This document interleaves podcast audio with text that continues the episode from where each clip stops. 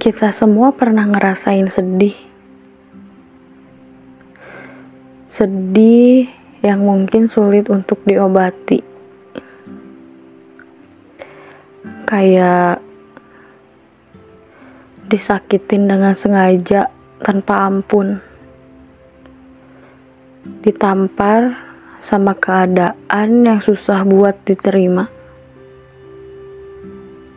Apalagi disakitin sama yang disayang. Salah satu orang yang udah jadi arti penting dalam bagian hidup. Aku nggak tahu apa yang terjadi sampai bikin kamu kayak gini. Bikin kamu nggak bisa ke mana-mana dan terperangkap di masa itu. Tapi aku tahu kok keluar dari zona masa lalu itu cukup sulit. Sulit banget sampai ngerasa kayak udah deh aku di sini aja. Ini udah cukup nyaman kok. Padahal hati kamu tahu kalau itu sama sekali nggak nyaman. Dan kamu menetralkan keadaan dengan bilang, beneran loh, ini nggak apa-apa. Aku sih nggak menyalahkan hal itu. Aku juga nggak nyalahin kamu bilang itu. Karena aku juga ngerti kok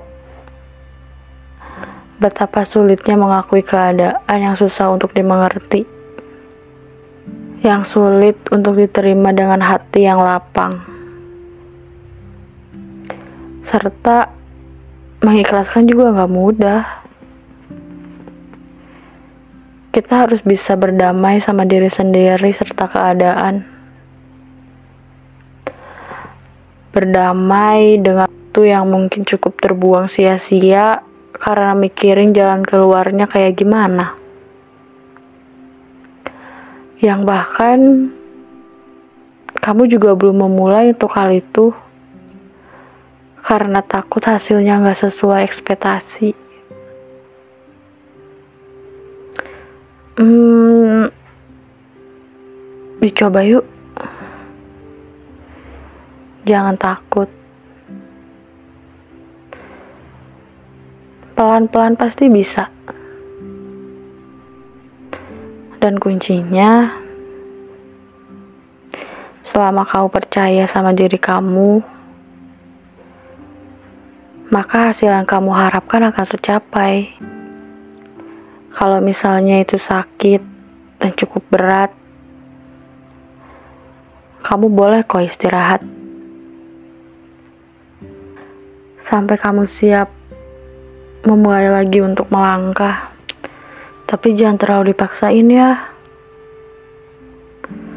Kalau sakit, ya bilang sakit. Kalau pengen nangis, nangis aja nggak apa-apa. Kalau ada apa-apa, bilang ada apa-apa. Jangan kamu pendem karena kamu juga perlu jujur sama diri kamu sendiri agar ngerasa lebih baik.